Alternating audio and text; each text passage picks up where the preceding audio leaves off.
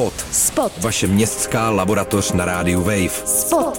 Magazín o urbanismu, veřejném prostoru a životě ve městech. Spot s Alžbětou Metkovou na rádiu Wave. V Muzeu hlavního města Prahy probíhá až do 29. prosince výstava Dýmová hora, součást výstavního projektu Chudá Praha, kterému jsme se na Vejvu už věnovali. V rámci doprovodného programu proběhla v půlce listopadu konference Bez moci, místopis vyloučení a přehlížení. Celodenní konference věnovaná životu lidí bez domova. Z dlouhé řady odborníků a umělců, kteří na akci vystupovali, dnes uslyšíte rozhovory s antropology Petrem Vašátem a Radanem Haluzíkem. Jak bezdomovectví ovlivňují globální procesy, co jsou místa nemísta a kde je ve městech najdeme, i to se dozvíte v dnešním spotu, u kterého vás vítá Alžběta Metková. Spot. Spot. Vaše městská laboratoř na rádiu Wave. Na začátek si ale dáme pár kulturních typů a protože se blíží Vánoce, budeme se bavit hlavně o knihách. Ve čtvrtek 21. listopadu proběhne v Karlínské galerii Viper představení publikace Architektura starostlivosti o slovenské lázeňské kultuře druhé poloviny 20. století. Iniciátory projektu jsou fotografka Andrea Kalinová a architekt Martin Zajček. V knize najdete řadu fotografií, odborných textů nejen o architektuře, i orální historii vážící se k tomuto tématu. Už v říjnu vyšla výpravná publikace sídliště Ďáblice Architektura pro lidi, která vznikla díky samotným obyvatelům Ďáblic. Na knižce spolupracovali historici umění, architekti, památkáři i potomci hlavního architekta sídliště Viktora Tučka.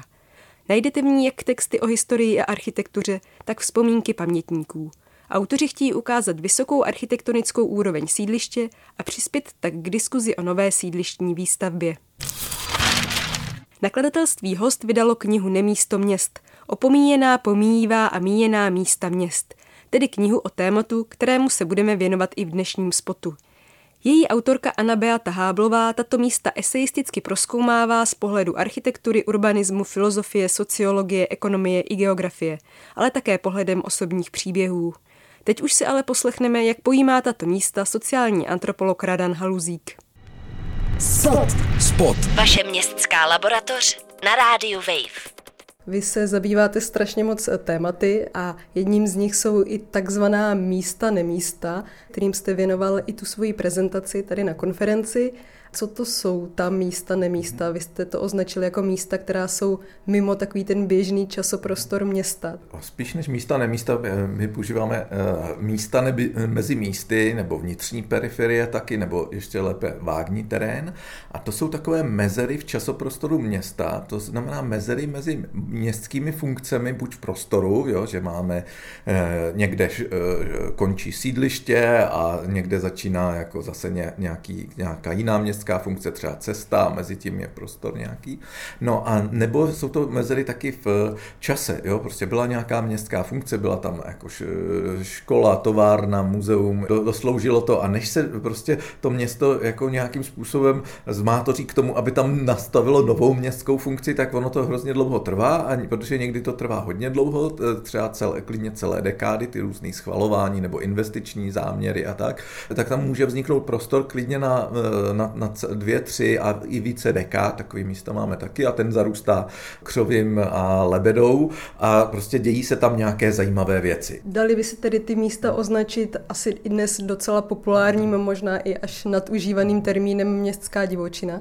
No, městská divočina je to pokud, pokud se toho ujme nějakým významným pří, eh, způsobem příroda jo, a opravdu tam eh, jako zazáří a vystaví tam nějaké ty ekosystémy, eh, hlavně křoviny tam vyrazejí a tak. No ale někdy to může být jako nenápadný, jo, některé ty místa jsou takový nenápadný, dokonce jako jednou za rok někdo seseče, jo, prostě my, protože ne všude vznikají plnohodnotné vágní terény, tak jsme zavedli takový pojem, nebo on se nám tak jako vlastně nabízel, jo, zvágňování nebo zvágnění, jo, prostě je nějaký místo, jo, který někdo tak trochu jako na, nastavil mu nějaký pravidla, jo, nebo ho dokonce vyasfaltoval, ale ono jim tím asfaltem prorází e, zeleň už pomalu a e, nikdo tam jako několik let neuklízel, takže postupně se tam nastavuje takový specifický e, interní režim. V čem jsou tahle místa zajímavá pro vás, třeba jako pro sociálního antropologa nebo pro sociologii, pro biologii? Co o tom městě vypovídají? No tak ty místa jsou hlavně zajímavé tím, že město eh, má, je, rozděl, je rozděleno z takového toho funkcionálního hlediska na různý městský a městotvorný a městoobslužný funkce. No a tady tyhle ty místa jsou zdálnivě místa bez funkce, ale oni si, aniž by je to někdo jako na ně delegoval oficiálně, si za, řadu těchto funkcí jako získala nebo přisvojila. Takže biologové o nich mluví jako o té nové divočině nebo o přírodě a ukazují nám, jaký velký pestrý život jako rostlin, e, zvířat tam žije. Já osobně studuju třeba život e, dětí v těchto místech, jo? především té generace sídlišních dětí těch 60., 70., 80.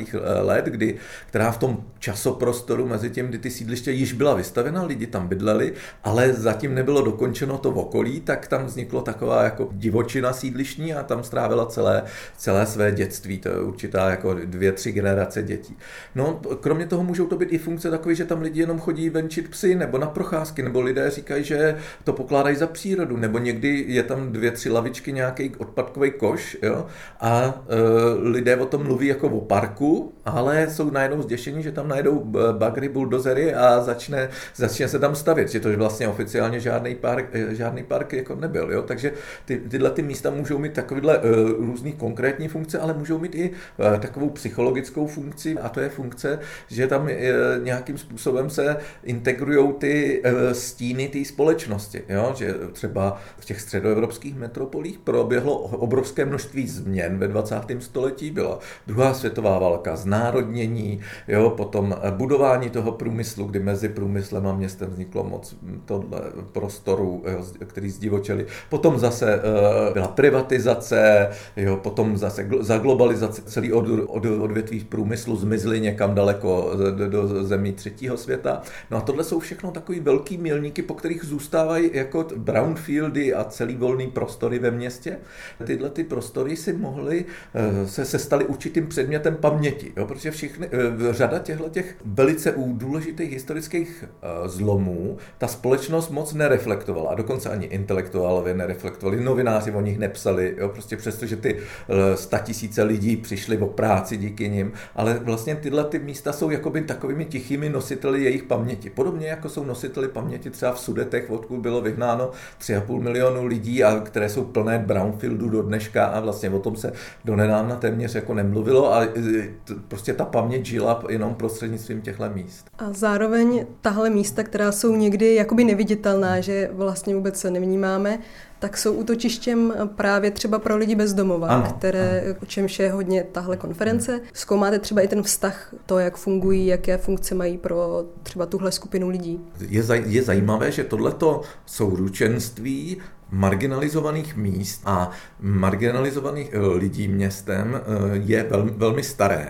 V naší knize máme dvě kapitoly o středověku a v obou dvě dvou ukazujeme, eh, že je třeba velký problém, kde žila městská chudina. 30, možná dokonce více, někdo říká i polovinu obyvatel středověkých měst Neví se ale akorát, kde bydleli, jo, takovéhle obrovské množství lidí. Víme, kde bydleli ty bohatí měšťani, kteří měli svoje domy, a kde bydleli tyhle ty lidé, jo, tak eh, někteří bydleli u při kostelích, někteří bydleli na, na hřbitovech, ale velká část jich bydlela právě v těchto vágních terénech. Jednak to byly vágní terény okolo hradeb zven, zvenku, ale byly to i vágní terény uvnitř města, protože jako ty města trpěly různými morovými ranami a různými válkami a velikými požáry, které je ničily velkou velkoplošně a zůstalo tam velké množství prázdných parcel a předpokládáme, že právě na takovýchhle prázdných parcelách jako tam e, také žili lidé. Už v této staré době můžeme vidět, jak vzniká ten, ten vztah těchto marginalizovaných lidí s marginalizovanými místy. No ale on potom vydrží až do vzniku vlastně periferie v 19. století. My z druhé půlky 19. století máme e, tu velkou grandiozní přestavbu Paříže. Za barona Hausmana byly, byla přestavěna Paříž, středověká, v to moderní město, které byl, je vzorem těch moderních měst po celém světě. No a aby bylo, mohlo být to v centru hezky přestavěno, tak se ty lidé prostě přesunou někam a ně, nikdo se nestará tehdy kam. No jo, ale kolem téhle té Paříže vznikne ještě věnec opevnění tehdy. No a oni se přesunou do toho, okolo toho věnce opevnění a tam mluvíme o takzvaných zoniérech a to jsou obrovské množství lidí, kteří žijí z Paříže. Jo? Z Paříže potřebuje, protože oni nejen, že tam žijou, oni tam vy, vykonávají různý řemesla nebo dochází za nima. A tady se krásně ukazuje ten vztah toho města, toho centra města vůči té periferii, který je dvousměrný. Nejen, že jako ta periferie je produktem toho centra městského, ale ono to je i naopak. To centrum městské, aby tam mohlo být všechno uklizeno a zařízeno, je produktem té periferie. V tom, že prostě e, potřebuje ty lidi, aby tam z periferie docházeli a dělali ty řemesla, nebo že ve městě je také velké množství e, lidí, který to město chce a potřebuje pouze dokud jsou mladí a zdraví. Nebo potřebuje pouze v létě, jo, a co v zimě někam e, zmizí, nebo naopak. Jo. Takže vlastně tenhle ten vztah jako periferie a města je jako takhle jako dvousměrný a proto my mluvíme o městě na, na ruby, anebo dokonce provokativně používáme pojem inverzní urbanismus, který se snaží převrátit tuhle tu logiku centrum periferie vzhůru nohama. Takhle laickým povšechným pohledem se mi zdá, že těchto míst, nemíst nebo míst na ruby v těch současných městech spíš ubývá. Je tomu skutečně tak? Jsou na to třeba i nějaká data, anebo, nebo ta místa vlastně stále existují, akorát se mění, takže my to nejsme třeba schopni poznat takhle laicky, že vlastně ta místa tady jsou, ale vypadají třeba jinak než průmyslové periferie. Některé místa ubývají a některé vznikají v dnešní době, ale ty vznikají daleko na periferii, protože současné globalizované město má v obrovské množství obslužných areálů, hlavně kolem dálnic, a e, opravdu hodně daleko za periferiemi. A tam mezi těmi různými hangáry těch Eh, distribučních center a mezi jejich parkovišti vznikají nové vágní terény. Ale o co my přicházíme v současné době extrémně rychle v těch středoevropských metropolích a hlavně v Praze, jsou ty vágní terény, které byly součástí až do nedávna širšího centra města. A ty byly opravdu obrovský a ty nám mizí obrovskou rychlostí přímo, přímo před očima. Jenom za dobu, co my jsme na tom projektu pracovali, což je, jako začali jsme nějak před 6 lety nebo před 6,5, možná 7, tak za tu dobu velké množství eh, vlastně míst, o kterých v té knize píšeme, už neexistuje. Jo. Valná většina těch krásných foto, eh, fotografií, které tam jsou, tak jako vlastně ty místa už jako jsou nějakým způsobem buď zastavěná, jo, tak to by člověk ještě dovedl pochopit, ale oni jsou zastavěno jenom takovým hloupým způsobem jako zahuštění. A nebo, nebo jsou jenom osázena jako za každou cenu skulturněna, tak, aby to v úvozovkách nikoho ne, neuráželo, tak, aby to v úvozovkách bylo bezpečné, jo, takovou sterilní sterilní zele, zelení, takovou, jako, jakou známe okolo benzínek nebo dálnic, jo, prostě takovou nízkonákladovou, jo, která nikomu nic neříká, mohla by být stejně dobře v Chile jako v Praze, ne, nebo já nevím, někde v Hongkongu. Jo. Vy už jste to tady několikrát zmínil během toho rozhovoru, že chystáte knížku. Tak co je to za knihu a kdy vyjde? Je to, je to knížka takového velkého kolektivu autorů, 18 lidí, kteří jsou nejen vědci, to znamená archeologové, urbanisté, antropologové, sociální geografové, psycholožka, ale i umělci, jo, mimo, eh, mimo jiné také EPOS 257, který organizuje tuhle tu konferenci, tak eh, se, se tam významně, významně podílel. A v této knižce, která se jmenuje Město na ruby, eh, pod titul Vágní terén, vnitřní periferie, místa mezi místy, se snaží snažíme prostě z 18 úplně odlišných pohledů da, e, něco říct o tom, jak tyhle ty místa jednak fungují a jak vznikají. A už méně se zabýváme, co s nimi dělat do budoucna, protože e, to je opravdu e, práce pro někoho jiného a pro jiné týmy. Díky moc za rozhovor. Děkuji taky. Slyšeli jste rozhovor se sociálním antropologem Radanem Haluzíkem v magazínu Spot, který bude pokračovat hned za malou chvíli a to rozhovorem s antropologem Petrem Vašátem o jeho výzkumu s lidmi bez domova. Spot. Spot. Vaše městská laboratoř na rádiu Wave. Jedním z přednášejících na konferenci je i sociální antropolog Petr Vašát, který působí na Sociologickém ústavu Akademie věd. Vy jste ve své přednášce kromě jiného zmínil takové dva časové milníky. Ten první byl rok 89, celkem nepřekvapivě. Ten jste zmínil samozřejmě jako milník toho, jak vypadá bezdomovectví v Česku, které podle vás zásadně samozřejmě ovlivnily procesy transformace a tedy hlavně ta změna ekonomická. Tak můžete nějak jako schrnout vlastně, co se v tom roce 89 stalo a jak ty procesy ekonomické a ta změna ekonomiky ovlivnily právě situaci lidí bez domova? A, tak to je samozřejmě poměrně komplikovaná otázka, která má řadu rovin a spojitostí. Já jsem v té své přednášce vlastně zmínil to, že my jsme se doptávali lidí bezdomova na takzvané reálné, reálné příčiny bezdomovectví. Ptali jsme se jich, kdy poprvé ztratili bydlení, kdy poprvé ztratili práci, a tam se vlastně ukázalo, že někteří lidé bezdomova vlastně byli bezdomova kontinuálně i před rokem 89 nějaká část. Takže tady se vlastně ukazuje, že jakoby ty transformační procesy eh, ne všech se vlastně dotýkaly. A potom právě jste zmínila ten rok 2001, tak eh, vlastně... Ano, to přeruším, to byl ten druhý milník. To, ano, to byl ten druhý milník. A vlastně pro mě rozdíl ten čas do roku 2001 a potom roce 2001. Z těch dat vlastně a z té práce se ukazuje, že v průběhu těch 90. let měla větší, měly větší roli právě ty transformační procesy demokratizace. Lidi prostě nemuseli pracovat, zároveň tam docházelo restituci majetku, privatizaci bytového fondu a tak podobně. A Potom právě po tom roce 2001 mají větší roli, řekněme, nějak takový globálně ekonomické souvislosti. V 98. roce se vlastně zavádí systém pobídek pro investice. 2001 vzniká vlastně ten exekuční akt. Po roce 2001 se objevuje řada represivních vyhlášek.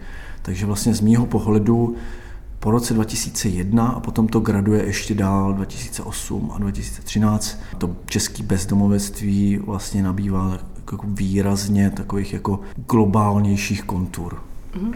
Globálnějších to znamená i ve smyslu, že se bavíme o nějakých procesech, které se netýkají jenom České republiky, ale v podstatě se týkají minimálně celého západního světa, v podstatě i celého světa. Protože to je právě něco, vy jste zmiňoval, že to je právě něco, na co se často zapomíná při těch českých debatách o bezdomovectví. Přesně tak. Já jsem vlastně říkal, že český diskuze, ať už je to jakýkoliv téma, když dostaneme u toho bezdomovectví, jsou ty typické vlastně důrazem na nějaký lokální témata. Vlastně ty, ty globální rozměry jsou až takový jakoby sekundární. A právě po tom roce 2001 dochází k tady zajímavému fenoménu, ke kterému došlo třeba ke konci 80. let ve Spojených státech, kdy vlastně rostlo HDP, snižovala se nezaměstnanost, ale zároveň se zvyšovaly počtu, počtu, počty vlastně lidí bez domova. A mám pocit, že tohle vlastně můžeme vidět po roce 2001 i v České republice. Samozřejmě tam je potom komplikovaný eh, dostat se k nějakým, k nějakým jakoby důvěryhodnějším datům. Ten průzkum, který jsme dělali v rámci projektu Bohemia, a právě jak jsem zmínil, že jsme se doptávali ten datum, kdy poprvé člověk přišel uh, o bydlení, poprvé přišel o práci, jsou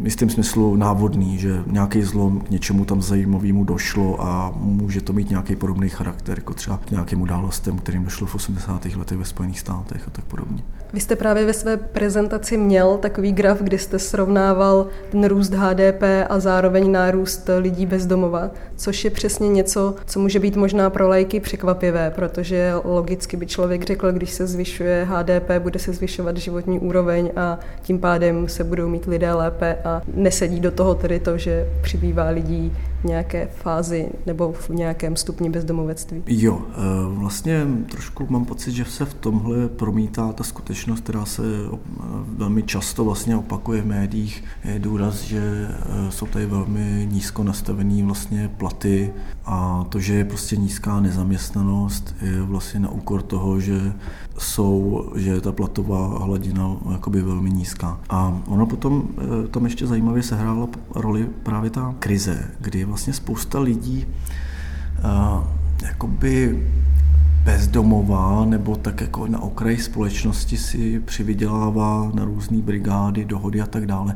A když právě přišla krize, tak e, ta krize dopadla právě hodně na tenhle ten segment lidí, kdy skutečně byl nárůst jako lidí na ulici díky tomu, že ztratili tyhle brigády a, a vlastně to zhoršilo jejich podmínky. No.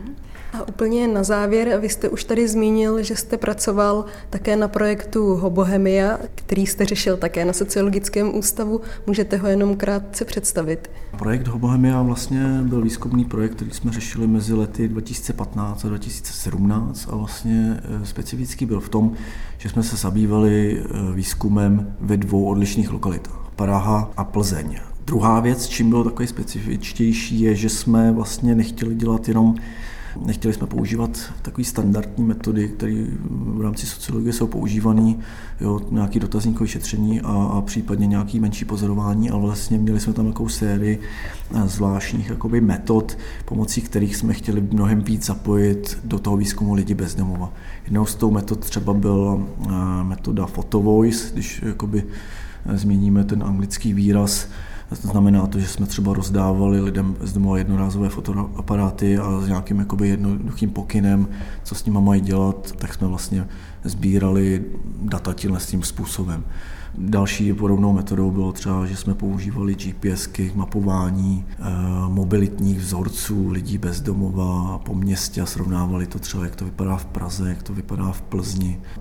Výsledkem je právě řada, řada odborných článků a dalších publikací, které vlastně jsou zajímavé tím, že na řadě těch metod se podíleli aktivně lidi bez domova. V magazínu Spot jste právě doposlouchali rozhovor se sociálním antropologem Petrem Vašátem. Magazín Spot můžete poslouchat každý čtvrtek v jednu hodinu. Najdete nás na webu Wave.cz, v podcastu na Spotify a iTunes. Od mikrofonu rádia Wave se loučí Alžběta Metková. Spot. Spot. Vaše městská laboratoř na rádiu Wave. Spot. Přihlaste se k odběru podcastu na wave.cz lomeno podcasty a poslouchejte Spot kdykoliv a kdekoliv i offline.